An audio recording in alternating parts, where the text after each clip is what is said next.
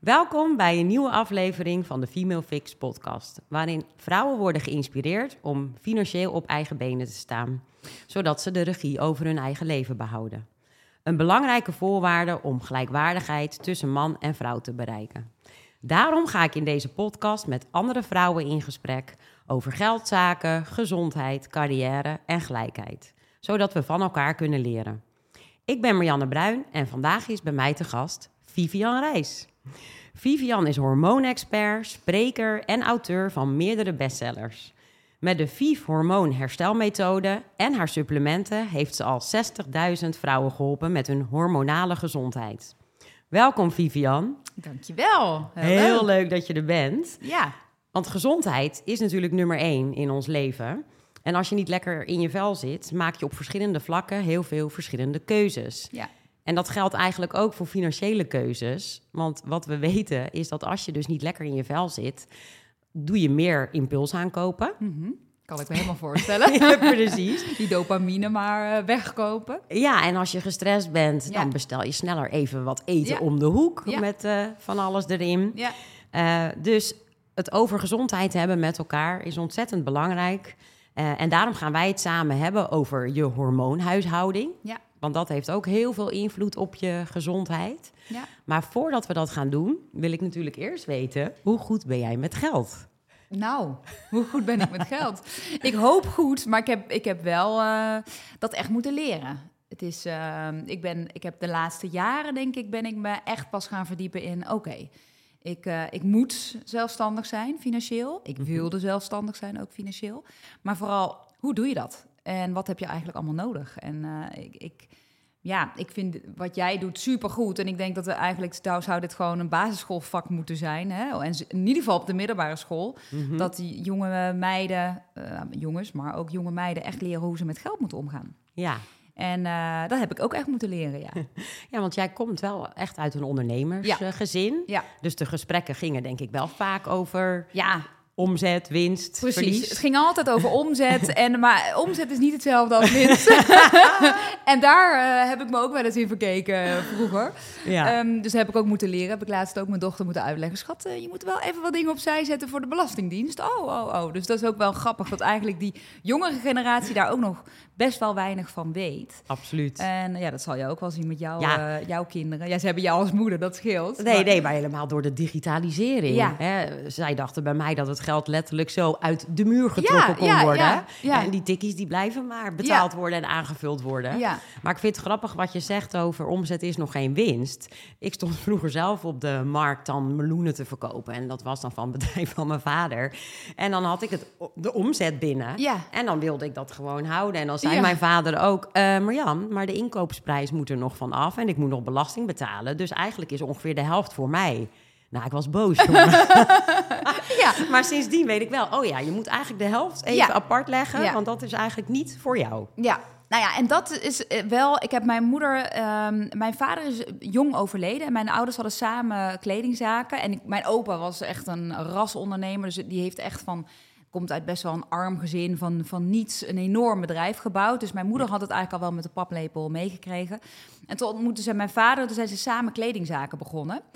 En, maar toen overleed mijn vader en toen hadden ze wel eh, vijf zaken. Ja. Dus mijn moeder moest wel die zaken Zo. doorzetten. Mhm. Dus, eh, en dat wilde ze. Mijn moeder is echt een, gewoon een hele hardwerkende, sterke vrouw. Dus dat wilde ze ook graag. En ehm, daar heb ik wel heel veel van geleerd. Maar daar, daardoor ben ik ook wel heel erg eh, voorzichtig geworden. Want door, door het belastingverhaal ben ik dus eh, zelf zo iemand die het liefst altijd mijn belasting een jaar vooruit betaalt. Oh, Dus eh, daar ben ik nu een beetje anders in gaan denken. Maar voorheen had ik zoiets van: oké, als het maar weg is, is het ook uit mijn systeem. Weet Ja. je wel?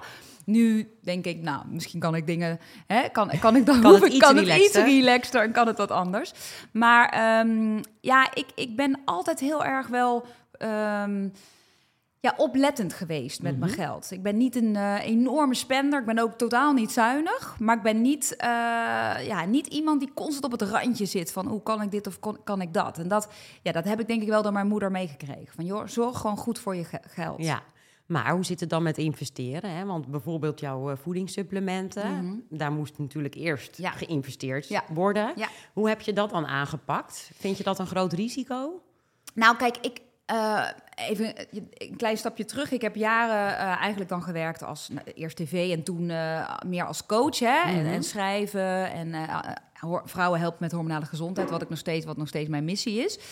Maar ik merkte dat ik wel echt een ondernemer ben. Dat ik eh, heel graag kansen zie en dat ik denk, oh weet je, dit is een gat in de markt, dit is een gat in de markt en Ehm, en op een gegeven moment was het voor mij echt dat ik dacht, ja, ik, ik voel me eigenlijk meer ondernemer dan coach. Ja. En, ehm, en drie jaar geleden, toen net corona startte, toen... eh, ik wilde altijd eigenlijk al iets met supplementen. Want ik, ik Mhm. had een enorme passie voor supplementen. Ik ben ook orthomoleculair therapeut, dus die hebben over het algemeen wel iets meer met supplementen. Maar ehm, ik had eh, eh, zelf behoefte aan een aantal dingen die ik niet kon vinden. En toen dacht ik, ja, ik wil dat gewoon zelf maken. En ik, ik heb het geluk dat ik heel veel fijne mensen in mijn net- netwerk heb die heel goed zijn eh, en heel veel kennis hebben op het gebied van orthomoleculaire voeding en ehm, nou ja, hormoontherapeuten die ook al heel veel ervaring hadden in de supplementenbranche. Dus je Nou. had vertrouwen. Ik had echt vertrouwen. En toen zei ik, nou, eh, toen zei de, eh, zeg, dat is ook een beetje mijn mentor. Deze man is inmiddels zwaar gepensioneerd, maar die neemt me altijd een beetje bij de hand van, oké, we gaan, ik ga, het- ga je daarmee helpen qua samenstellen. Alleen het financiële stuk moest ik zelf doen. Mhm. Dus toen ben ik echt heel klein eerst begonnen. Ja, want je kan niet in één keer meteen eh 10.000 eh, potjes afnemen. Dat is Nee. echt wel, hè? En ehm, nou, dus ik ben eerst klein begonnen. Maar dat ging eigenlijk al vrij snel, nou, best wel goed. En toen eh, hadden we het product waar we echt zo naar snakten. Dat was die PMS-support. Dat, is- dat is ook onze bestseller. Mhm. Dat is echt het product waar ik... Ik heb zelf jarenlang PMS gehad. Wat is PMS? Oh ja, Voor de ja. luisteraars? Ja, ja, ja, ja, wat hadden we net over? Jij zei dat is toch niet hetzelfde als we de premenopauze? Nee. Nee. de premenopauze is iets anders dan PMS. De PMS is eh premenstrueel syndroom. En dat betekent dat je eigenlijk een paar dagen tot voor sommige vrouwen wel weken voor je menstruatie echt totaal niet jezelf bent. Dus je hebt last van allerlei fysieke klachten. Dus eh, je voelt je moe, prikkelbaar, een kort lontje, maar ook heel veel mentale klachten. Dus ook dat je je down voelt en totaal niet blij. En dan de dag daarna denk je, oh, ik ben er weer. Ja. Ehm, heftige menstruaties, slecht slapen, gewoon totaal niet jezelf. En dan ben je weer twee weken dat je denkt, oh, daar Oh. ben ik weer. Ja. En dan komt die wolk weer, weet je wel? En Mhm. dat hebben zoveel vrouwen en eigenlijk veel meer vrouwen dan dat ze durven zeggen. En nou ja, Mhm. een paar jaar geleden durfde eigenlijk geen enkele vrouw dat nog echt te zeggen. Maar nu, je merkt doordat er veel meer vrouwen en veel meer influencers over eh, hormonale gezondheid praten, wat alleen maar super positief is. Want dat betekent dat we gewoon meer mogen zien dat wij vrouwen gewoon anders zijn dan mannen. Ja, Hormonaal zeker. gezien, totaal anders. Ja, Dus, nou ja, en ik had eh, ook PMS een paar jaar. En nou, dat wordt heel ook door als je stress hebt of slechte voeding. Of, nou, dan wordt dat enorm gestimuleerd. En ik wilde daar een product voor. En natuurlijk moet je eerst met je leefstijl aan de slag. Maar als je niet verder komt dan, dan dat, dan heb je extra ondersteuning nodig. En daar kunnen bepaalde supplementen bij helpen. Maar ik vond het niet en toen dacht ik, dan ga ik het zelf maken. Nou, dat product, dat sloeg aan. En gelukkig klopt het af, nog steeds. Mhm. Ehm, en toen ging in één keer, nam het een soort vogelvlucht. ja. En toen moest ik wel andere, andere, andere, Andere bedragen gaan gaan investeren. investeren. Ja. En ehm, nou, gelukkig kon ik dat zelf doen. Ik, ik, ik merkte ook wel dat ik ben altijd een beetje huiverig van geld lenen. Daar ben Ja. ik nooit dol op geweest. Nee. Heb je het wel eens gedaan, geld lenen? Als ik iets gedaan, is het van mijn moeder. Maar dan, is Ja. het, dan krijg je het ook heel snel weer terug. Oké. Ik heb nog nooit van de bank eh, iets Misschien geleend. voor alleen, een eh, koophuis? alleen een hypotheek. Ja, Eh, precies. maar verder nooit. nee. Nooit. Nee, nee ik, ik, ik- het is gewoon niet zo mijn ding. Dus, maar gelukkig kon dat, hè, als je geen Mhm. mogelijkheid hebt. dus, nou, en, en ja, dat is gaan groeien. En nu zit je, zijn we, bestaan we drie jaar. En nu merk je, ja, ook dan heb je af en toe groeipijnen. Want je, je, je groeit en je groeit en je groeit. Maar dat betekent dat je inkoop hè, ook enorm. Je wil nu echt, we hadden toen nog wel eens een keer dat we een maandje uitverkocht waren. Ja, dat, dat willen we ons nu niet meer permitteren. Nee. Jeetje, spannend. Dus, maar eh, heb je dan ehm, dat altijd zelf bepaald hoeveel je ging investeren? Of had je dan ook adviseurs? Nee, dat heb ik wel zelf gedaan. Ja.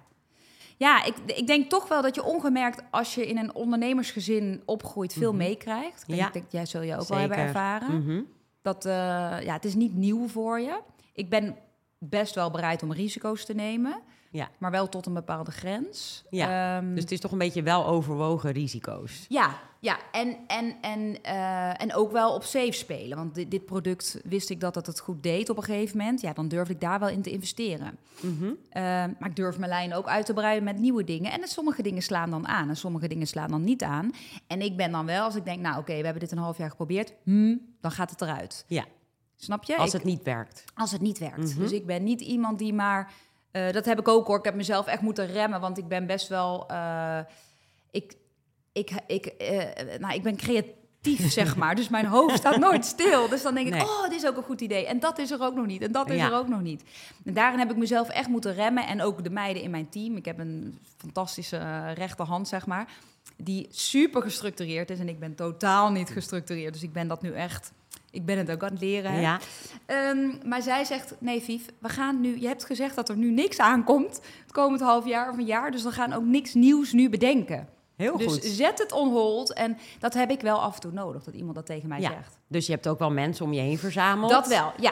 Die Ja, de krachten hebben waarvan jij zelf weet, oeh, daar ben ik iets minder goed in. ja, ja, ja, omdat mijn enthousiasme dan Mhm. het soms kan overnemen. Dat ik denk, Ja. oh ja, maar dit is er niet. Ik vind het niet, dus dat moeten we maken. En dan heb, heb je de gelegenheid om dat te doen. Ehm, maar dat werkt niet. Je kan, dat heb ik wel echt geleerd de afgelopen jaren, is focus. Ja.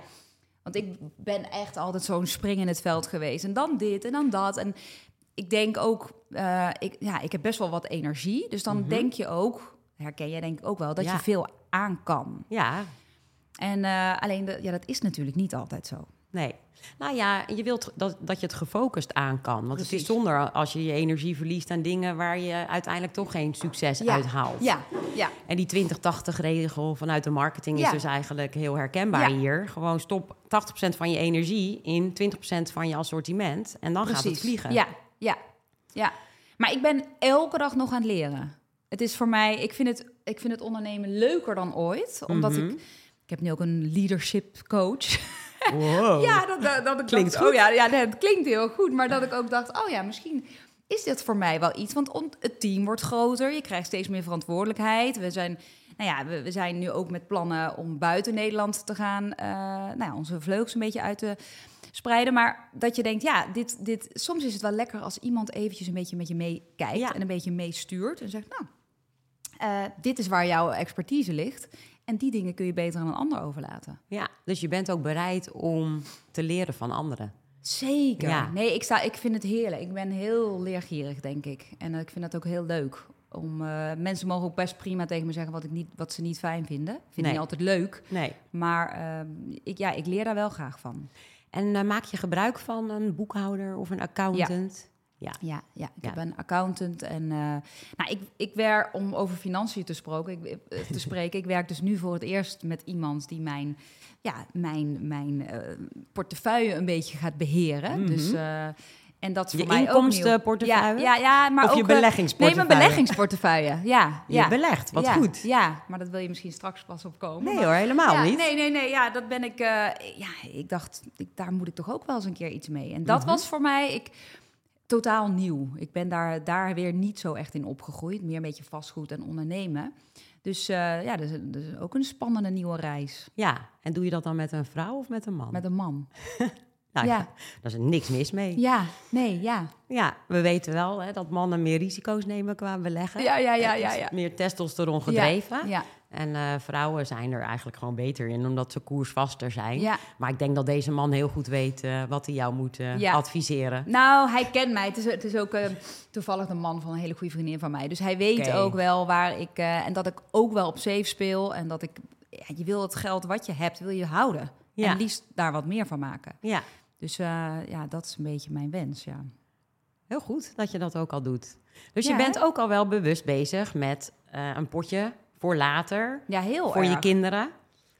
Ja, maar dat is wel echt pas het laatste jaar uh, ontstaan. Ik merk wel, ik ben nu 46 en um, het klinkt gewoon heel gek, maar je voelt wel dat je... Dat je komt denk ik ook omdat mijn dochter is bijna 19, mm -hmm. gaat het huis uit. Zij begint zich ook een beetje te realiseren van... oké, okay, ik wil eigenlijk wel een appartementje in Amsterdam huren. Wat kost dat dan? Wat kost dat leven? En dan in één keer... Ja, zij krijgt nu gewoon een volwassen leven. En dan... Um, uh, ik wil haar wel graag meegeven. Wat ik wil natuurlijk, ik wil niet dat zij geldzorgen heeft, maar ik wil Nee. wel dat ze voor zichzelf leert zorgen. Ja. En ik denk toch dat je, als je wat ouder wordt en ziet dat, dat, dat, dat zij dat leven gaan ervaren, dat je denkt, ja, ik wil toch wel zorgen dat ik wat achter de hand heb voor Mhm. als het een keer met hun misgaat. Zeker. Hè? Dat het, Ja. het draait nu niet meer alleen om mij. Nee.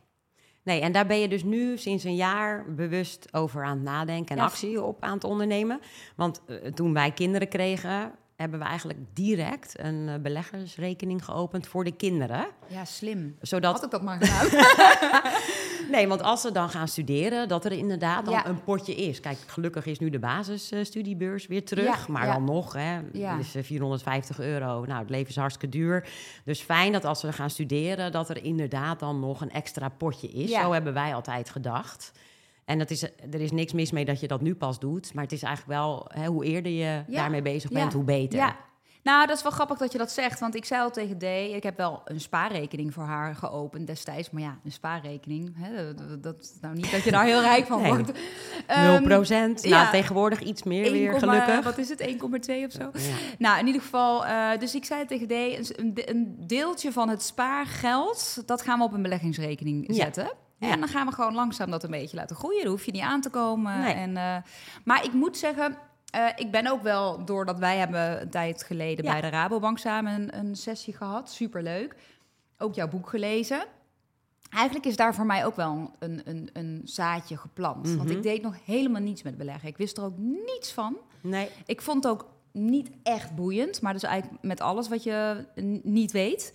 En nu vind ik het dus super leuk. Ja. Nu kijk ik ook van die uh, finfluencers. ja. ja. Ja, ik vind dat dus echt. Dus jouw missie vind ik ook echt fantastisch. Want ik denk, sommige uh, finfluencers, de, de, de influencers over de financiële markt, zijn voor de leek soms nog best wel een beetje ingewikkeld. Mhm.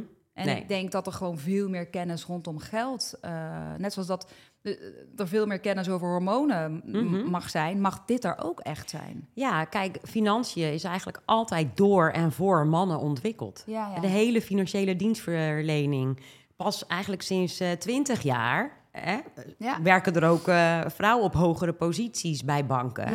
En kijken ze er ook veel femininer naar. En wordt uh, finance ook veel meer gekoppeld aan emoties, aan je dromen, aan je doelen in het leven. Waardoor het voor vrouwen dus ook veel tastbaarder wordt en leuker om mee bezig te zijn.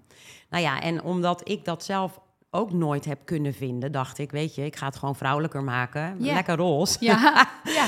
ja en, en, en met name op die bewustwording zitten. Want uh, vaak zie je ook dat er gelijk heel erg uh, op producten wordt uh, gecommuniceerd. Ja. Hè? En dat gaat eigenlijk veel meer om het holistische verhaal, wat jij eigenlijk met hormonen doet. Mm -hmm. je bent niet één keer met hormonen bezig. Hè? Dat is een levensstijl. Ja. En dat geldt ook voor financiën. Het is eigenlijk gewoon een levensstijl die je jezelf moet aanleren. En daar heb je even wat handvatten bij nodig. Ja. En het is allemaal niet zo ingewikkeld, maar je moet het wel eventjes precies. tot je nemen of tot je hebben gekregen. Ja. Ja, precies. En dat, dat is hetzelfde met hormonen. Het is helemaal niet zo heel ingewikkeld hoor, om ze in balans te brengen. Maar je moet alleen wel weten wat je moet doen. Precies. En je wil wat kennis hebben. En heel veel mensen, ik weet niet of jij dat ook ervaart, willen alleen maar een quick fix. Ja. Die zeggen, zeg jij maar maar wat ik moet doen. Ja. En, en dat, dat, is, dat heb ik ook een beetje gehad. Dat ik dacht, nou, ik geef het gewoon helemaal uit handen. Maar toen ik eenmaal in gesprek was met diegene die dat dan nu voor mij doet, dacht ik, oh, ik vind dit zo leuk. Oh, kan dit ook nog? Kan dat ook nog? En dan, ja, kennis is gewoon, ja, is macht. Is macht ja. ja. ja. heel tof dat je dit oppakt. En ik wil er zo alles over horen. Maar ik wil nog wel, want jij zei in het begin van, uh, nou ja, ik was eigenlijk vroeger nooit echt heel erg bewust met mijn geld bezig. Um, je hebt nu diverse inkomensstromen. Ja. Um, heb jij dan voor jezelf een manier gevonden van: oké, dit komt er binnen. Daarvan zet ik een deel sowieso al fixed opzij. Dat doe ik geautomatiseerd. Uh, keer jij jezelf maandelijks een vast bedrag uit om van te leven? Hoe, hoe pak je dat aan? Ja, ik heb twee bedrijven. Uh, en, uh, dus mijn supplementenbedrijf en eigenlijk mijn, uh, ja, mijn coaching. Dus waar ik mijn online trainingen geef, mijn sprekersklussen en, en mijn, mijn boeken. En nou, daarin ben ik soms wat vrijer. Maar mijn, mijn, mijn supplementenbedrijf, ja, daar, daar, daar daar heb ik, keer ik mezelf gewoon een management fee uit elke maand. En dat is gewoon een vast bedrag. En um, bij mijn en, en ja, dat, dat is um, alles wat daarin zit, moet ook weer naar voorraad. Dus dat is, niet, dat, mhm. dat is een eh, totale andere manier van werken dan wat je met je eigen andere bedrijfje kan doen, zeg maar. Dus eh, bij mijn andere bedrijf is het echt afhankelijk van uh, hoe gaat de verkoop van de, online programma's, hoe gaan mijn sprekers klussen. Dus dat is altijd een beetje. Nou, en dan ben ik altijd, ik zet altijd als eerste mijn belasting weg. Mm al een jaar vooruit. Ja, dat is, nou ja, niet helemaal. Maar ik, ja, ik, ja, over het algemeen zet ik het, in plaats dat ik het nu betaal aan de Belastingdienst een jaar vooruit, ja. uh, zet ik het nu weg. heel goed.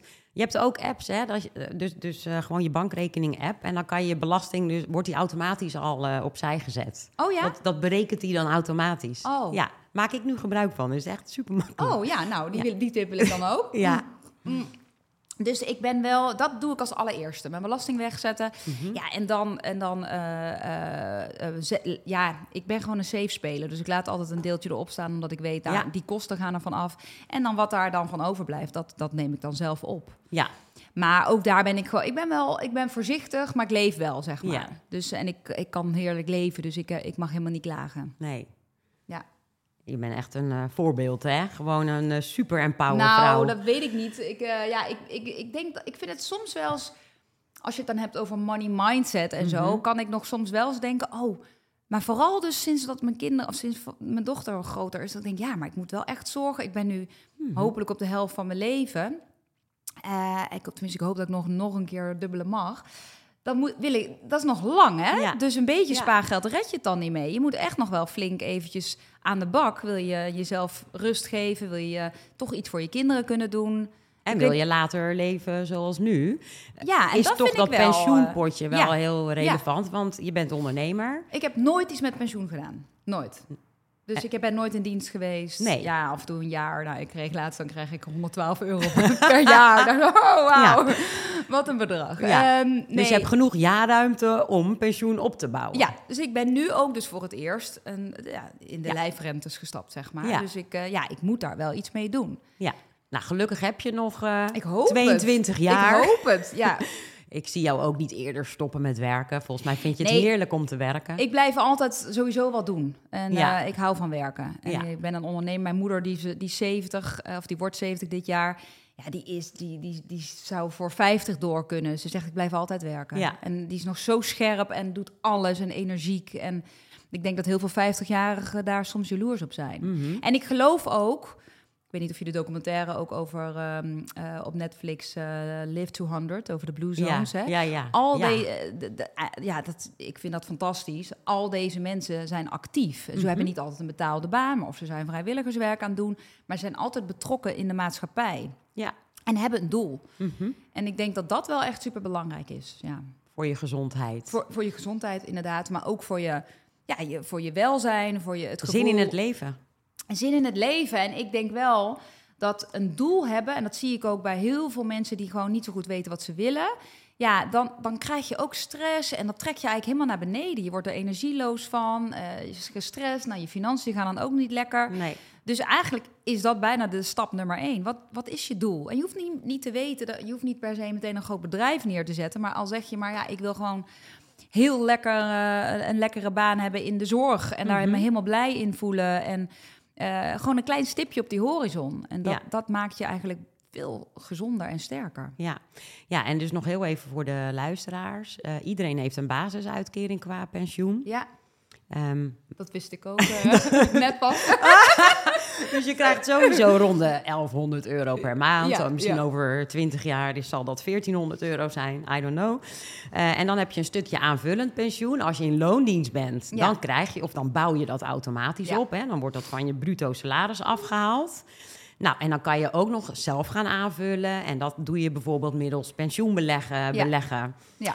Ehm, en als ondernemer heb je dus geen aanvullend pensioen. Dat moet je dus zelf gaan opbouwen. Ja, En daar ben jij dus ben nu, mee bewust bezig. mee bezig. Nou, super. En hoe eerder je daar dus mee bezig gaat... dus eigenlijk als jij al jong ondernemer bent, rond 25 jaar... ja, zou je eigenlijk al daar mee bezig mogen zijn.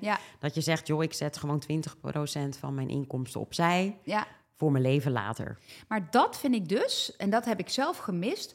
Het, het woord pensioen, en misschien is het wel vergelijkbaar met het woord overgang. Dat, of menopauze, dat klinkt zo ver weg. klopt. En daar wordt nooit iets over uitgelegd. Want als je het niet doet, oké, wat zijn dan de gevolgen? Dat je dan, is dat je uitkering en dan moet je het Ja. dan meedoen? Dan moet je Als je geen spaargeld hebt. Nou ja. Ja. ik snap dat heel veel hè, ouderen, dat was toevallig deze week nog op Hm. tv, ook echt in, de, in die armoedegrens zitten. Dat ze gewoon zo weinig meer kunnen. Dus het is eigenlijk zo belangrijk om, om, die, om jonge mensen al daarover in te lichten. Ik denk mensen die in dienst zijn, die zijn daar iets meer mee bezig, omdat ze op de loonlijst staan. Ja. Maar als je dat niet bent en je bent ondernemer en, en het geld komt op een gegeven moment echt lekker binnen, dan, dan gaat het er vaak ook Ja, weer zo uit. ja. Ehm, en dat is hetzelfde met de menopauze, om een eh, raar bruggetje te maken. Maar mensen, ik dacht ook eh, op mijn dertigste is nog ver weg. Maar als je de 40 hebt aangetikt, nou dan ga je daar naartoe. hè? Mhm. En dat worden echt hele pittige jaren als je niets anders doet. En als je niet weet wat het is. Nee, nee, dus eigenlijk zouden we die toekomst naar het nu moeten halen. Ja, Waardoor je de urgentie meer gaat voelen. precies. Maar dan moet je wel voor uitleggen wat, wat het dan is en wat de gevolgen zijn als je het niet doet. Precies. Ja. En daarom denk ik die onderwerpen emotioneler maken. Dat dat dus wel gaat Mhm. helpen. En wellicht ook wel gewoon letterlijk inzicht geven wat de gevolgen zijn als je er niks mee doet. Precies. Ja, Ja, maar in loondienst, dat is natuurlijk ook interessant. Eh, mensen zijn eh loss averse. Hè? Ze zijn angstiger voor verlies dan voor winst. Als, bij loondienst wordt je pensioen automatisch zeg maar, van je bruto salaris afgetrokken, waardoor je niet voelt dat je het geld verliest. ja, ja. ja. Oh ja, ja. En dat is misschien ook interessant, dat we naar ondernemers kijken. Hey, kunnen we toch pensioen voor ze opbouwen zonder dat ze dat zelf actief moeten doen? Ja, En met dat nieuwe pensioenakkoord ehm, wordt straks pensioenopbouw aanvullend verplicht voor ondernemers. Maar het zou zo mooi zijn als de overheid daar dan iets voor bedenkt, dat het dus ook automatisch gaat zodat je er Ja. als ondernemer, eh, dat het niet vo- voelt als pijn. Nee. Van, oh jemig, moet ik nog meer af gaan dragen. ja. Maar goed, hè, daar Ja. eh, gaan we ons nog even over Ja. buigen. en dan, eh, voor, voordat we echt gaan beginnen over de hormonen... ehm, wil ik toch nog even het live event scheiden aanstippen. Hè, want jij doet, nou ja, je hebt gelukkig eh, eh, weer een leuke relatie. Maar je hebt toch ook heel veel in je eentje moeten doen. Ja. Hè, qua financiële zelfredzaamheid. Ja. Nou, hè, hoe ga ik een potje opbouwen voor mijn kinderen, voor later? Ehm, je bent toen gescheiden. Eh, ben je pas na je scheiding heel bewust met je financiën bezig gegaan? Of deed je dat daarvoor ook al? Nee, eh, ik denk wel dat dat echt ook door mijn scheiding is gekomen. Althans, do- tijdens mijn... Ik ben helaas twee keer gescheiden. Ehm, dus eh, met John eh, was ik echt nog jong. Dus ik was helemaal nog niet bezig met geld. En ik, ik, ik met, al helemaal niet met ondernemen. Ik werkte toen voor tv. Ik had, dat waren die jaren dat ik wel even op de loonlijst stond. En wel pensioen opbouwen? ja, wel pensioen opgebouwd. Ehm, maar dus ik was daar eigenlijk totaal nog niet zo mee bezig. Ehm, maar eh, mijn eh, eh, ex-man, waar ik nou, v- mm, vier en een half jaar geleden van ben gescheiden, die komt uit de financiële wereld. En daar heb ik heel veel van geleerd ook. Ja. En ehm, eh, ja, helaas, de, die, die relatie is niet goed gegaan. Maar we zijn nog steeds hartstikke oké hoor met elkaar. Mhm. En eh, eh, ja, dat is ook iets sowieso, dat staat hier los van waar ik heel erg voor pleit. Als je toch bent gescheiden, dat je daar heel erg je best voor doet. Ja, Ehm, maar daar heb ik wel heel veel van geleerd. En in die tijd ben ik nog veel meer gaan ondernemen. En ik wilde nooit namelijk afhankelijk zijn van een man. Mhm. En dat heeft mijn moeder mij echt, echt erin gevreven. Van je, je, je moet zelfstandig zijn. Ben Ja. alsjeblieft niet afhankelijk van een man. ja. Dus ehm, ja, ik... eh, Dus dat ben je eigenlijk ook nooit geweest? Ook niet nee. bij je eerste scheiding? Nee, nee, Nee. nee, Ik had altijd wel mijn eigen centjes. Ik was er alleen veel minder mee bezig. Ja, En ehm, ja, weet je, op een gegeven moment dan ga je gewoon steeds meer leren over geld. En, en dan weet je ook, ja, als je zelf een huis koopt, e- eerst koop je samen een huis, dat is ook wel weer Mhm. anders. Dan moet je een huis alleen kopen, dan moet je wel die hypotheek zelf kunnen dragen en Ja. al die maandlasten. En dan, ja, dan wordt het allemaal wel een stuk serieuzer. En Ja. dan, dan moet je wel. Dus als je op het moment dat je gaat, dat je echt moet, en dan word je ook vaak heel creatief. ja, En dan denk je, oké, ik, eh, dit is wat ik goed kan.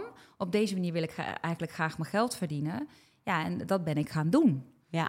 En ehm, alleen, het is wel, ik, ik heb echt wel diep respect voor alleenstaande vrouwen die het ook alleen moeten runnen. Want niet iedereen krijgt ook nog torenhoge eh, alimentaties. En dat, dat, dat, ja, dus als je het zelf kan, vind ik dat echt super knap. En dat geeft je wel, want het zijn echt wel pittige tijden hoor, waar, waar deze vrouwen en ook mannen maar doorheen gaan. Want Mhm.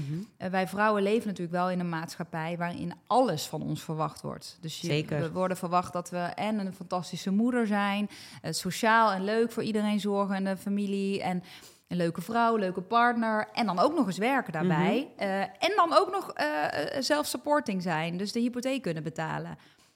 Ja, ik vind dat soms best wel, eh, best wel een zware last voor veel vrouwen. En zeker als je alleenstaand bent. Absoluut. Kijk, en daarom is het ook belangrijk dat je met je partner, als je nog samen bent, dus hele goede financiële afspraken maakt. Ja. Zodat jij ook recht hebt op alimentatie, mocht jij meer voor de kinderen zijn gaan zorgen. Ja, en daar is ook niks mis mee, hè? Als jij meer voor de kinderen bent gaan zorgen en je hebt daar goede afspraken over. Mhm. Ik, vind- ik stimuleer dat alleen maar als je dat... Je moet doen waar je gelukkig van wordt. en ja, ik denk dat het is gewoon super fijn als eh, heel veel vrouwen die alleenstaand zijn, wel ehm, iets vinden waar ze, heel, Ja. waar ze wel energie van krijgen, werk Ja. vinden. Want anders, als dat je ook nog eens leegtrekt, dan is het wel echt Heel heel, zwaar. pittig, heel zwaar. Ja, en je ziet dat heel veel vrouwen dan toch wel creatief worden. Of nog een baantje erbij, of iets van een online dingetje erbij Ja. gaan doen. Of ja, en ja, eh, ja, nood breekt wet. Op het moment dat het moet, dan moet, dan Mhm. moet het. Maar zijn er eh, levenslessen vanuit die periode die je graag eerder had willen weten, waarvan je zegt, die wil ik graag de luisteraar nog meegeven? Als het om financiën gaat, hè? om financiële afspraken met je partner. Ja, kijk, ehm, ik denk dat het eh, wel goed is om goede afspraken ma- te maken op voorhand. Want als je in een liefdesbubbel zit, dan denk je altijd dat overkomt ons nooit. Mhm. En eh, nou ja, het overkomt dus heel veel vrouwen wel. Eh, echt goede afspraken. En ehm, ik denk toch al wel beginnen met een beetje een eigen potje opbouwen. Ja. Dus ehm, ja, Dus je eigen rekening behouden. Sowieso je eigen rekening behouden. En eh, ik denk dat het is ook een lekker gevoel als je niet Mhm. hoeft te vragen, schat, ik mag, Mag ik naar geld? de kapper? Eh, Ja. eh, verschrikken, dat heb ik ook nooit gedaan. Nee. Had je wel een gezamenlijke rekening? We hadden wel een gezamenlijke rekening. Ja. Ja. Ja, maar ik had ook altijd mijn eigen rekening. Ja. Ja. Dus ja, en ik heb daar ook wel mijn lessen uit geleerd. Misschien wel een beetje te extreem. Ik, ik zou niet snel meer een huis kopen met iemand anders. ik zou ook niet snel meer trouwen. Dat zijn dingen, ja, waarom? Weet je, als de liefde oké is, is dat genoeg. Dan hoef je niet per se een huis of een, of een ja, of te trouwen. Nee. En een ezel stoot zich Nee. drie keer tegen nee, nee nou, been, dat hè? heb ik wel geleerd. Ja. Ja, nou mooi. Maar goed, we gaan het nu het mooie bruggetje maken naar de hormonen. Want we willen allemaal lekker in ons vel zitten. Eh, hormonen hebben daar dus grote invloed op. Maar door allerlei oorzaken kunnen hormonen dus uit balans zijn. Maar Vief, kun jij eens in Jip en Janneke taal uitleggen wat hormonen zijn, Ja. hoe ze werken en wat de invloed ervan op je gezondheid is? Nou, hormonen zijn eigenlijk niets anders dan boodschappers. En die worden aangestuurd vanuit het brein. Ik zeg altijd eh, dat door de, de hypothalamus, dat is eigenlijk je grote dirigent. En, en, en hormonen werken als een orkest. Dus, je, dus één zegt hoe het moet. En als er eentje een beetje uit de ritme, uit, uit sync gaat, dan merkt de rest van het orkest dat ook. En in jouw lichaam dus ook. En ehm, ehm, om een klein voorbeeldje te, te geven. eh, jouw brein zegt tegen jouw schildklier, hè, dat kennen we allemaal wel, maar we weten niet dat de schildklier super belangrijk is voor onze energie. En dat wij nu hier zitten en het niet koud hebben of niet te warm, Mhm. dat komt allemaal door die schildklier. Die is gewoon hartstikke hard aan het werk. Ja.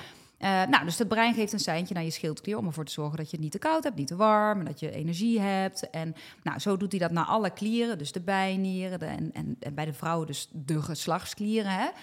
Alleen die geslachtsklieren, dat zijn dus precies de kliertjes die ons soms wel heel erg kunnen, kunnen nou ja, van slag kunnen, eh, letterlijk klieren, zeg maar. Mhm.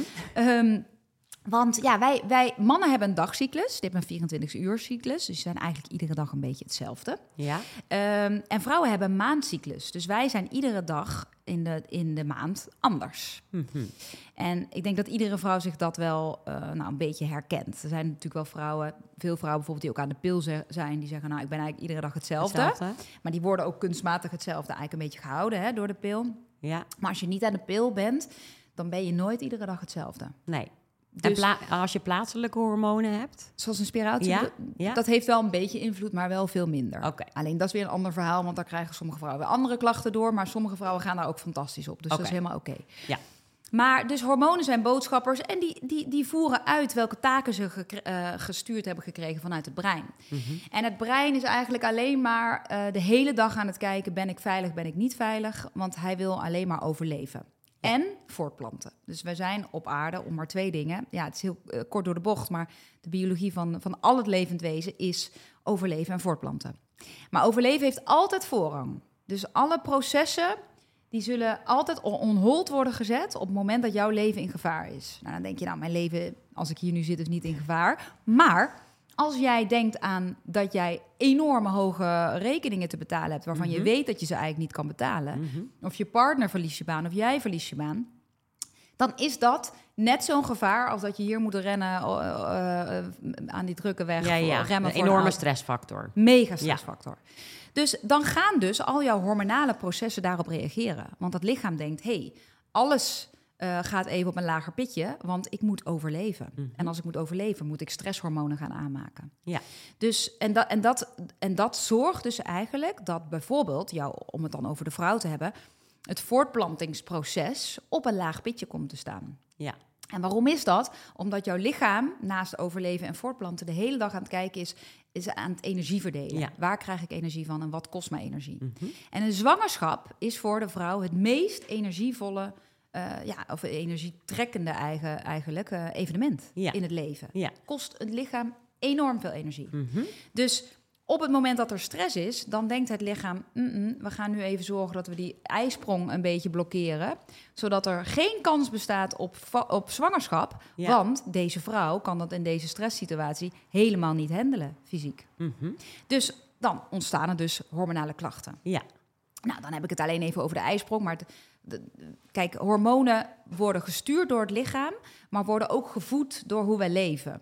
Dus hoe we eten, milieutoxines die we binnenkrijgen, of het lichaam goed kan ontgiften, eh, of onze darmen, de, de de darmflora op orde is. En vooral hoeveel prikkels en stress we binnenkrijgen. En want onze hormonen zijn super sensitief. Da- en, en doordat we eigenlijk niet meer in ritme van de natuur leven, hè, ons bioritme is verstoord, onze voeding is verstoord, onze, onze eh, prikkels, we zijn, hebben enorm een veel te veel hoeveelheid aan prikkels, dan merk je dat de hormonen daardoor uit balans raken. Ja. En zoals ik zei, het is een orkest, hè, dus gaan de geslachtsklier een beetje uit balans, gaat ook vaak de schildklier een beetje mee. Dus het is, ja, het, je krijgt dan een, gewoon een, een neerwaartse eh, spiraal. Ja, en in welke levensfases eh, schommelen je hormonen het meest? Je gaf net al aan zwangerschap, is natuurlijk een enorme, impactvolle. Ja, we hebben, we hebben drie hele belangrijke fases. Natuurlijk de puberteit. Hè? Nou, je hebt zelf eh, dochters. dus je weet dat Ja. je ziet ze hè, veranderen van een Mhm. meisje naar een vrouw. Daar hoort ook een bepaald gedrag bij soms. Dus dat is een enorme fase. Dan heb je natuurlijk de zwangerschap, maar ook het ontzwangeren. Hè? Vergeet dat ook niet. Nee. Een belangrijke fase. En dan heb je de vruchtbare jaren. Maar de vruchtbare jaren, die hebben wij eigenlijk een beetje verplaatst in onze maatschappij. Ja. Maar de echte vruchtbare jaren zijn tussen de 18 en 25. Oh ja? Dat zi- zijn onze Zo. meest vruchtbare jaren. Oké. Want evolutionair gezien Mhm. werden wij nooit zo oud. Nee, hè? ik ben Werden echt we- bejaard. Ja, precies. Ik ben echt Ja, jij zou eigenlijk al bijna, ik zal al bijna met pensioen moeten gaan. Ik moet zeker met pensioen. ja, nee, maar dus, dus dat, dat mensen zo oud werden, dat was natuurlijk helemaal niet het geval. Nee. Nou ja, dus, dus je ziet eh, dat, dat die fase heeft zich natuurlijk verlegd, hè, want vrouwen Mhm. worden veel later pas zwanger. Ehm, zie je dus ook, snap je dus ook, dat er heel veel meer vruchtbaarheidsproblemen Ja. ontstaan. Ja. Want dat is eigenlijk een logisch gevolg Mhm. daarvan. Ehm, en na je veertigste gaat er hormonaal al dusdanig veel veranderen omdat het helemaal niet meer nodig is, volgens de evolutie, dat wij dan nog moeten voortplanten. Ja.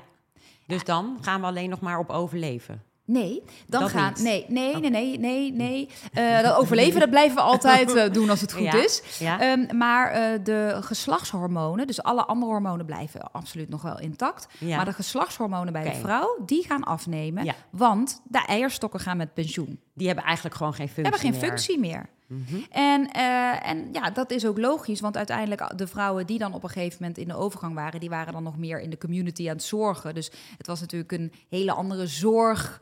eh, eh, ja, ehm, functie die wij vrouwen hadden dan dat we nu hebben. Hè? Mhm.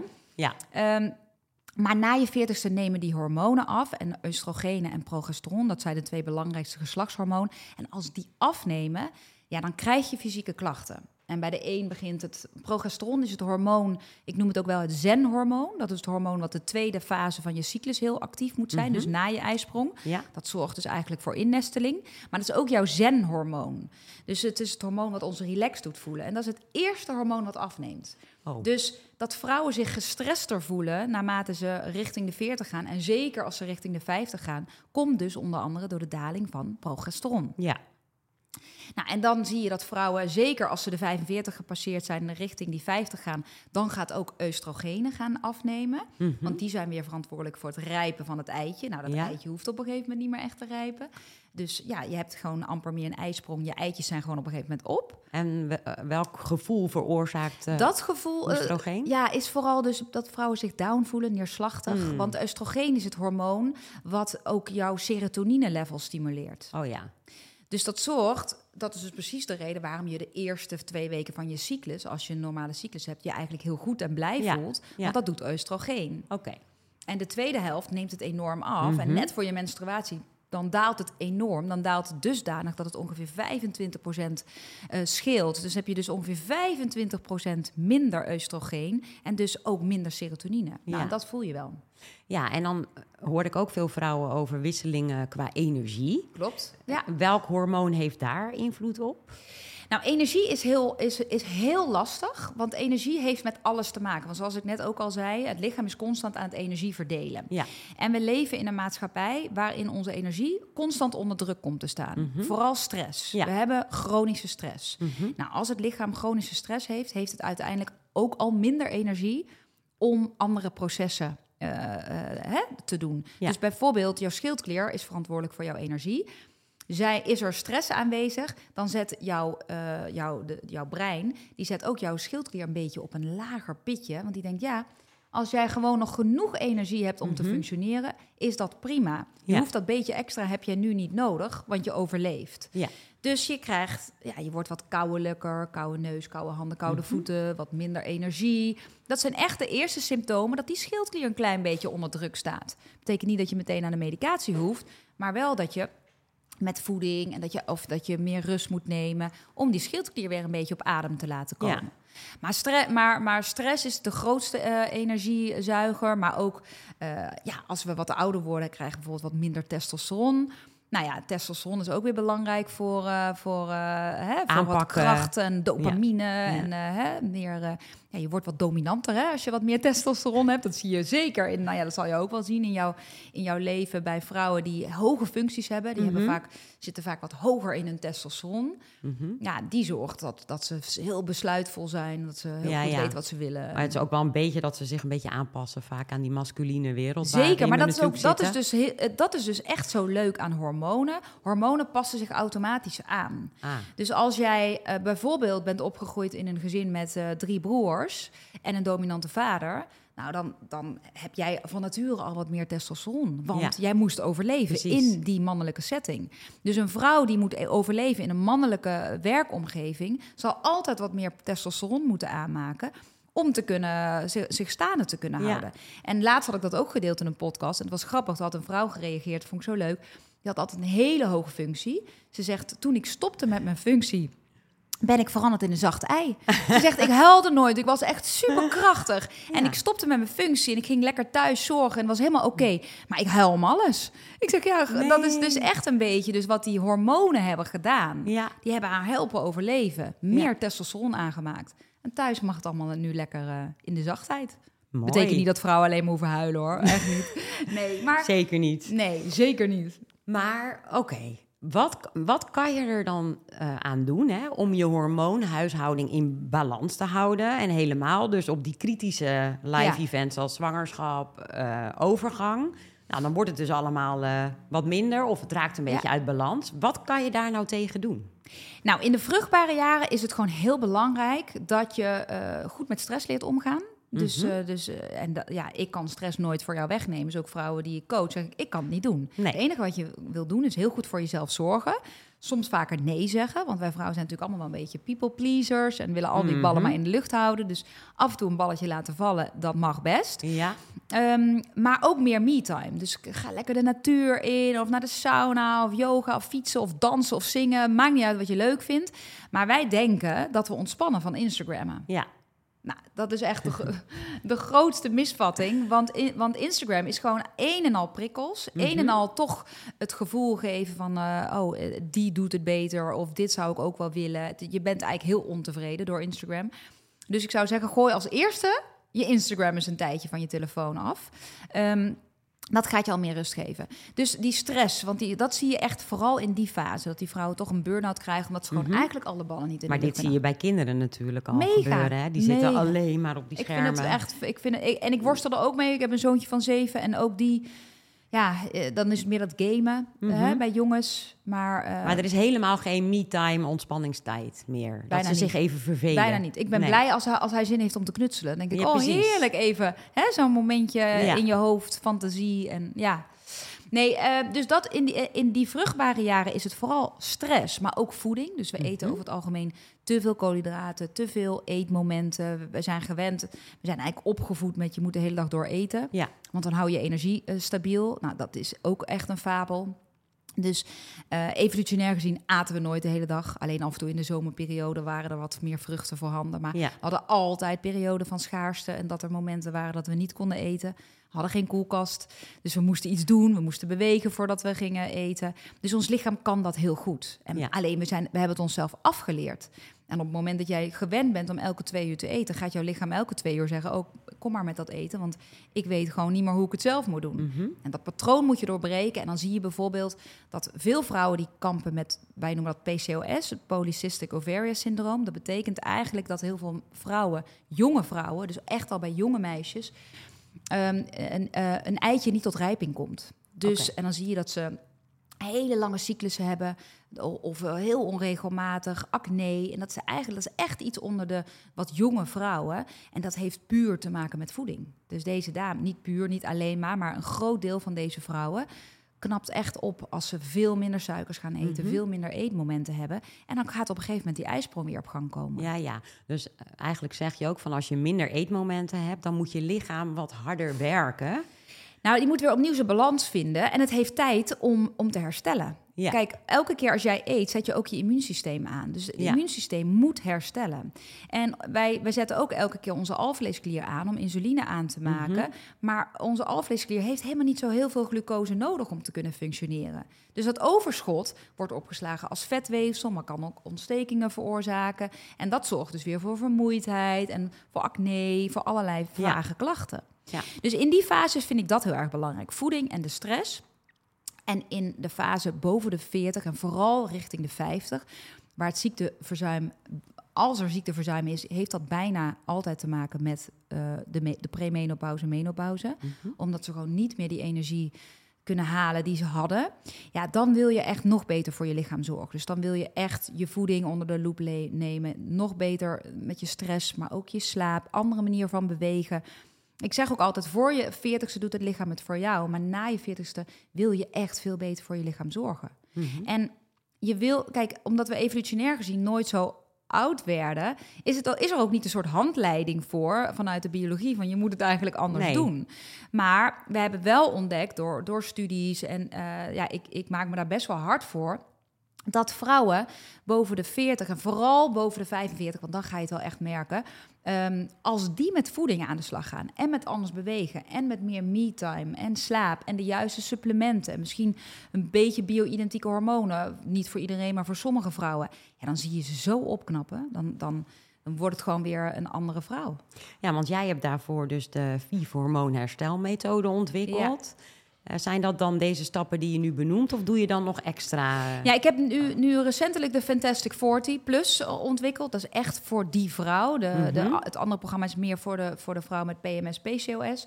Ehm, de wat jongere vrouw. Omdat de, je wil deze vrouw echt anders benaderen. Ja, ja. En kijk, als je, als je wat ouder bent, en dat, dat heb ik zelf ook ervaren. Je, de meesten hebben of een scheiding, of wel een verlies van een dierbare meegemaakt, of een burn-out gehad. Je, je bent ouder, dus je hebt gewoon meer stressvolle events in je lichaam gehad. En ook dat heeft een, eh, ja, heeft een gevolg op hoe jij je nu vo- voelt. ja. Dat ma- maakt absoluut invloed, of heeft absoluut impact. En ook onze cortisolbalans verandert. Onze bloedsuikerspiegel verandert. Onze darmflora verandert. Dus ja, het is. Ik heb ook geen gouden tip nu even, wat moet je dan doen? Nee, het is eigenlijk echt het zetten van de juiste stappen. En daar help ik dan vrouwen bij Ja. in mijn online eh, trainingen. Om, om weer die energie terug te krijgen. Ja. ja, en dan is de eerste stap denk ik bewustwording. Absoluut. En daarom, ik begin ook in mijn programma's altijd eerst met uitleggen wat deze hormonen doen. Want als je niet Mhm. begrijpt wat die Nee. hormonen doen, dan doen ze maar wat. En ik, ik zeg ook altijd in de eerste zin, ik weet dat er nu vrouwen zijn die meteen naar de laatste module gaan en naar de FIF-methode gaan en zeg maar, oké, zeg maar wat ik moet doen. Ja. Dat ga ik doen. En dat werkt niet. Nee. Want als je niet begrijpt waarom je het doet en als je niet weet welke hormoon bij jou het meest uit balans Mhm. is, ja, dan ga je nooit dat resultaat krijgen. Nee. nee. En hoe kom je er dan achter welk hormoon het meest uit balans is? Nou, ik, ik, eh, in het programma zitten ook allerlei checklists. En, Oh ja. en gedurende in, ja, alle symptomen leg ik uit. Dus gedurende het programma weet jij wel van... Ik heb echt vrouwen die hebben alles goed gedaan. Die doen ook de juiste suppletie. Ook zelfs met bio-identieke hormonen en voeding. Maar daar zat bijvoorbeeld zo'n jeugdtrauma... of zo'n groot stress-event wat ze niet goed hebben kunnen verwerken... Ja, en dat, dan merk je dat tijdens de Q&A-sessies... als ze dan daarmee aan de slag gaan... en daar ben ik niet de therapeut voor... dan moet je bij Ja. iemand anders zijn... Mhm. En dat in combinatie dan, ja, ja dat, dat, dat is echt fantastisch. Ja, Het mentale stuk, het emotionele stuk speelt natuurlijk een enorme rol. zeker. En ik denk ook dat mindset daarin ook weer heel erg belangrijk heel is. erg, Heel erg. Maar eh, ik was eh, vorige week met eh, vijf vriendinnen op stap. Allemaal boven de 40. Ja, Waarvan drie super energiek. Twee echt laag in hun energie. ja, Terwijl één echt heel goed eet, veel aan meditatie doet, yoga. ja, waarvan je dus eigenlijk zou zeggen, die doet alles goed. ja. Hè, en toch gewoon zo weinig energie zat er gewoon zere benen van. Mm. Eh, zou, en, en dan kan het dus echt een hormoonprobleem zijn, denk Ja. ik, als ik jou Ja. zo hoor. Ehm, en zij is dan denk ik gebaat bij een stukje hormoonsuppletie, denk ik. Dat zou kunnen. Ja. Ja. en dan heb je natuurlijk de synthetische variant waar ik geen fan van ben. Maar je hebt de bio-identieke hormonen. Maar dat, is, dat, dat moet echt onder begeleiding van een gynaecoloog of een huisarts die ervoor open staat. Want niet Mhm. iedere huisarts staat ervoor open. Hè. Dat is jammer in Nederland nog. Dat wordt gelukkig wel steeds meer. Maar dan nog, ehm, zeker zou dat bij haar ondersteunen. Maar wat ik dan interessanter zou vinden, eh, heeft ze, eh, is ze te dun? Heeft ze ondergewicht? Nee, Heeft ze overgewicht? nee. Heeft ze een traumatische ervaring of heeft ze een moeilijke jeugd gehad? Of zijn er dingen die spelen die haar energie eigenlijk onttrekken? Ja, dat zou kunnen. Ja, nou, eigenlijk zie je vaak wel dat dat de grootste veroorzaker is van lage energie. En als ze daar bewust, want daar, ook daar moet je bewust van Ja. zijn. Hè? Want ik heb ook vrouwen geholpen en echt zo mooi. Die, een, een dame die wilde zwanger worden en dat lukte maar niet, lukte maar niet. En op een gegeven moment raakte ik met haar in gesprek. En toen zei ik, maar wat zit jou nog dwars? Ze zei, ja, ik, ik heb ook fijne jeugd gehad, er is eigenlijk niks aan de hand. En toen zei ze, ja, ik, wat ik eigenlijk wel echt niet leuk vind... is ik woon in het huis waar hij met zijn ex woonde. Mm. Toen zei ik, oh, dat is wel interessant. En toen, eigenlijk heb ik daar verder niks meer over gezegd. Toen zijn ze gaan verhuizen. En een half jaar later appte, appte ze mij, ik ben zwanger. Nee. Ja, dus en, Zo. en, en niet per se dat dan... Maar de emotione- emotionele lading die zat op dat huis... kan zomaar dan ook een blokkade zijn in haar hormoonhuishouding. Dat ze daar stress van kreeg. Dus hele kleine dingetjes die soms onzichtbaar zijn, ook voor vriendinnen... eh, die kunnen natuurlijk wel ook jouw hele hormoonhuishouding ondermijnen. Ja. Zo. Maar zo zie je toch ook weer hoe alles weer met elkaar te maken Alles heeft. is met elkaar verbonden, Ja. absoluut. Ja, Jeetje. Ja. Nou, ik vind het wel echt heel tof dat jij eh, hier zoveel aandacht eh, op weet te vestigen. Want het is echt wel een onderwerp wat nog zo onbekend ja. is. ja.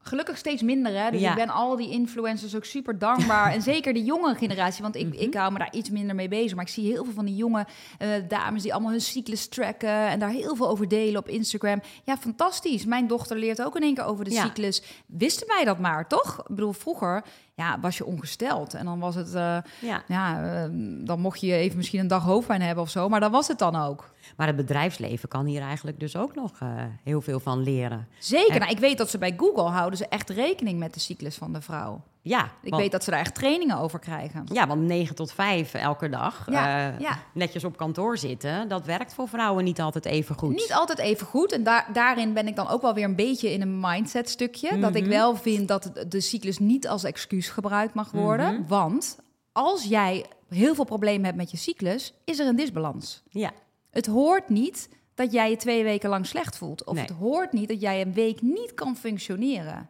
Dan, Ja. dan is er een disbalans. Maar maar dat betekent niet... Ik vind het fantastisch hoor, dat, dat er nu meer rekening mee wordt gehouden. Echt, daar ben ik enorme voorstander van.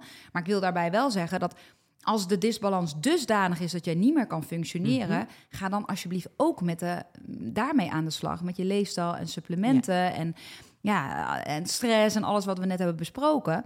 Want misschien kan je dan in plaats van een paar dagen niet functioneren, misschien één, twee dagen minder functioneren. Precies, dus het, het valt wel op te lossen als jij je voedingspatroon aanpast. Als Het, je is, op een het mag niet een excuus zijn Nee. om maar gewoon eh, eh, Een week lang je eh, zo rot te voelen. Vind ik persoonlijk. En ik Ja. denk ook dat heel veel vrouwen heel graag zich anders willen voelen hoor. Dus ik denk dat heel veel vrouwen weten alleen gewoon nog precies met jou in jouw vak, weten gewoon Ja, nog niet, hoe, Maar ze Ja. willen het allemaal wel echt heel graag. Niemand wil zich ellendig voelen. Nee, en als ik dan even naar mezelf kijk, eh, ik heb veel corporate eh, ervaring.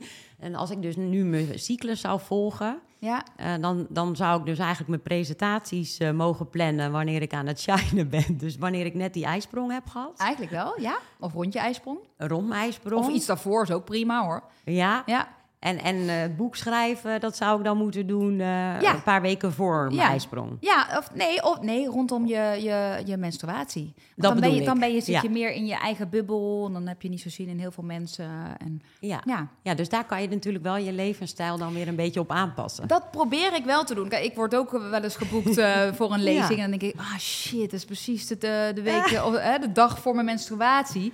Ik ben nog liever die dag ongesteld dan dat het de dag daarvoor is, zeg maar. Want dan voel ik echt dat ik slechter uit mijn woorden kom, bijvoorbeeld. Ja. ja.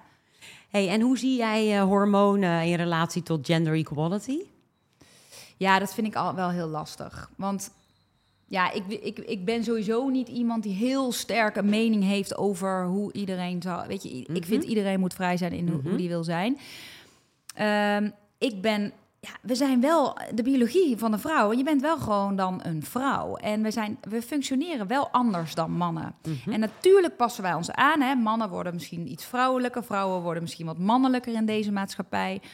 Maar er zijn ook nog, de meeste mensen zijn wel gewoon nog, eh, is het wel nog heel erg man-vrouw. En ja, hoe erg is dat? Mhm, Helemaal niet. Ik vind dat, ja, ik, vind, ik ben blij dat ik vrouw ben, laat ik het zo zeggen. Ja.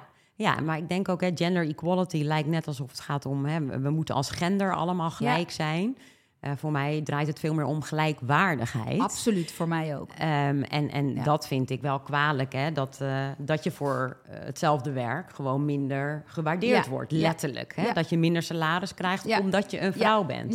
Kijk, dat moet Ja, gewoon en eigenlijk worden. zou het andersom moeten. Want kijk even wat wij allemaal moeten doen. Ook nog, toch? Met kinderen en, en, en al die ballen maar in de lucht houden. Ik denk dat wij Ja. zouden gewoon eh, vettere salaris Ja, moeten hebben. precies. Dus, dus als we hormonen relateren aan financiële zelfredzaamheid... Ja. zouden wij vrouwen eigenlijk gewoon beter beloond mogen Ik vind dat worden. wij veel beter beloond mogen worden. Ja, dat meen ik echt. Ik denk hoe wij al die vrouwen alles maar in de, al die ballen in de lucht houden. En dan echt ook nog wel serieuze banen hebben, veel Mhm. vrouwen. Financieel ook flink bijdragen.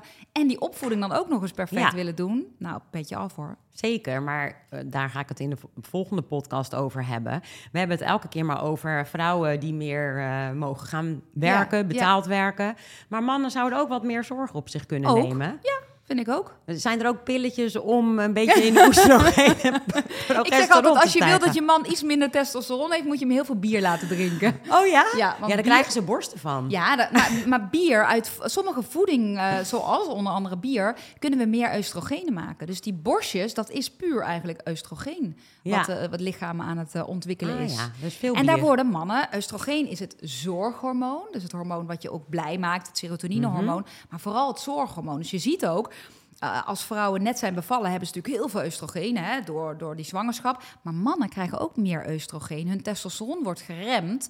Want op dat moment moeten zij ook even in die zorgrol. En dat neemt bij mannen al vrij snel weer Ja, af. ja. Want haal je die man dan uit die, uit die kraambubbel en stop je hem in een voetbalwedstrijd met alleen maar testosteron en hooligans bijvoorbeeld, ja, dan stijgt dat testosteron enorm. Ja. Dus hormonen, die, die gaan mee in jouw omgeving. En dat, dat maakt het ook zo super interessant. Ja, dus eigenlijk zou eh, iets langer ouderschapsverlof of verlof voor vaders ook heel goed zijn. Zodat Nou. ze iets meer in de bubbel zitten van verzorgen. Ik denk, ja, dat denk ik wel. Ja, ik denk ook wel dat het een beetje de aard van het beestje moet zijn. Maar ik, ik denk wel dat het, eh, ja, dat het goed is. Ja, ik denk voor die balans eh, in gelijkwaardigheid Ja, zal het eh, ja, goed zijn. En ook, want eh, daar hebben we het nog niet over gehad, over na de bevalling hoor je natuurlijk soms ook over postnatale depressie. Dat is natuurlijk ook een enorme... Verschrikkelijk, verschrikkelijk. Antibalans Ja. in je hormonen. Ja. ja, het is, eh, wat er eigenlijk gebeurt vaak is dat deze dames een te snelle daling van de hormonen. eh, die, de- ja, je, je bent bevallen en tijdens je zwangerschap heb je heel veel oestrogeen, progesteron. En dat neemt te snel af voor het brein. En dan zie je dat deze vrouwen in een depressie schieten. En dat is echt afschuwelijk. Hè? Dus ehm, ik, ik, denk niet, ik denk dat het ook een stukje aanleg is. Mhm. Een stukje, dus het is niet per se dat het komt door stress of wat dan ook. Maar als een vrouw zich dan ook nog eens niet gesteund voelt, of de Precies. relatie loopt niet lekker, of er, er werk, da- dat ze denkt, oh, ik moet terug naar mijn Ja. werk. En, Of de man is alweer aan het of werk. de man is alweer aan, je hebt geen vangnet, ook niet je moeder of je, je zus of iemand. Ja, dan zie je deze vrouwen wel erg lijden. Ja, dat is wel echt schijnend hoor. Ja. Ja. En daar kun jij ook iets aan doen? Nou, daarin kun je wel met leefstijl. Je ziet wel dat het wel vaak een. Ik, als, als ik zo iemand tegenkom, dan, dan werk ik samen met gynaecologen Ja. of met de huisarts. Ja, Ja, dan kijk dus- je er holistisch naar. Dan kijken we er holistisch Ja. naar. Ja. Jeetje, Vief. Nou, Ja. ik heb echt eh, heel erg eh, veel van je geleerd. En eh, ik vind het een heel interessant, bijzonder onderwerp... waar we ook in het bedrijfsleven heel veel mee zouden kunnen doen... Ja. om het in het voordeel ook van vrouwen te laten werken. Ehm, herken jij jezelf in het verhaal van Vivian? En heb je ook zoiets van... Hmm, het lijkt alsof ik toch niet helemaal lekker in mijn vel zit... in balans ben. Nou, ga eens naar uh, Viv Online, naar haar platform. Daar Ja, kan je Instagram kun je eigenlijk alle tips, eh, daar delen we het meest zelfs. Ja, Precies. En eh, je kan lid worden ook van de nieuwsbrief, hè? die Ja, stuur jij zeker. wekelijks. Ja. En eh, nou ja, er zijn verschillende cursussen die Vivian aanbiedt. Dus kijk vooral in de show notes naar wat er allemaal mogelijk is. En eh Viv, ik wil jou enorm bedanken. Ik vond Jij het een ontzettend leuk gesprek. Helemaal hoe we op well-being ook weer op ja het, ik fladder alle kanten, dat zei ik al. Ik fladder alle kanten Ja. op. Ja. Ja, maar ja, het, het heeft, het, alles heeft een relatie met elkaar. Ja. En als jij niet gezond bent, ja, dan kan je al helemaal niet eh, de regie over je eigen leven houden en je broek ophouden qua geld. Dus eh, het is super belangrijk om ook dit onderwerp aan te stippen. En daar wil ik je enorm voor bedanken. Ja, jij en eh, volgende week eh, praat ik weer met een andere inspirerende vrouw. Heel leuk. Succes met alles. Dank je wel.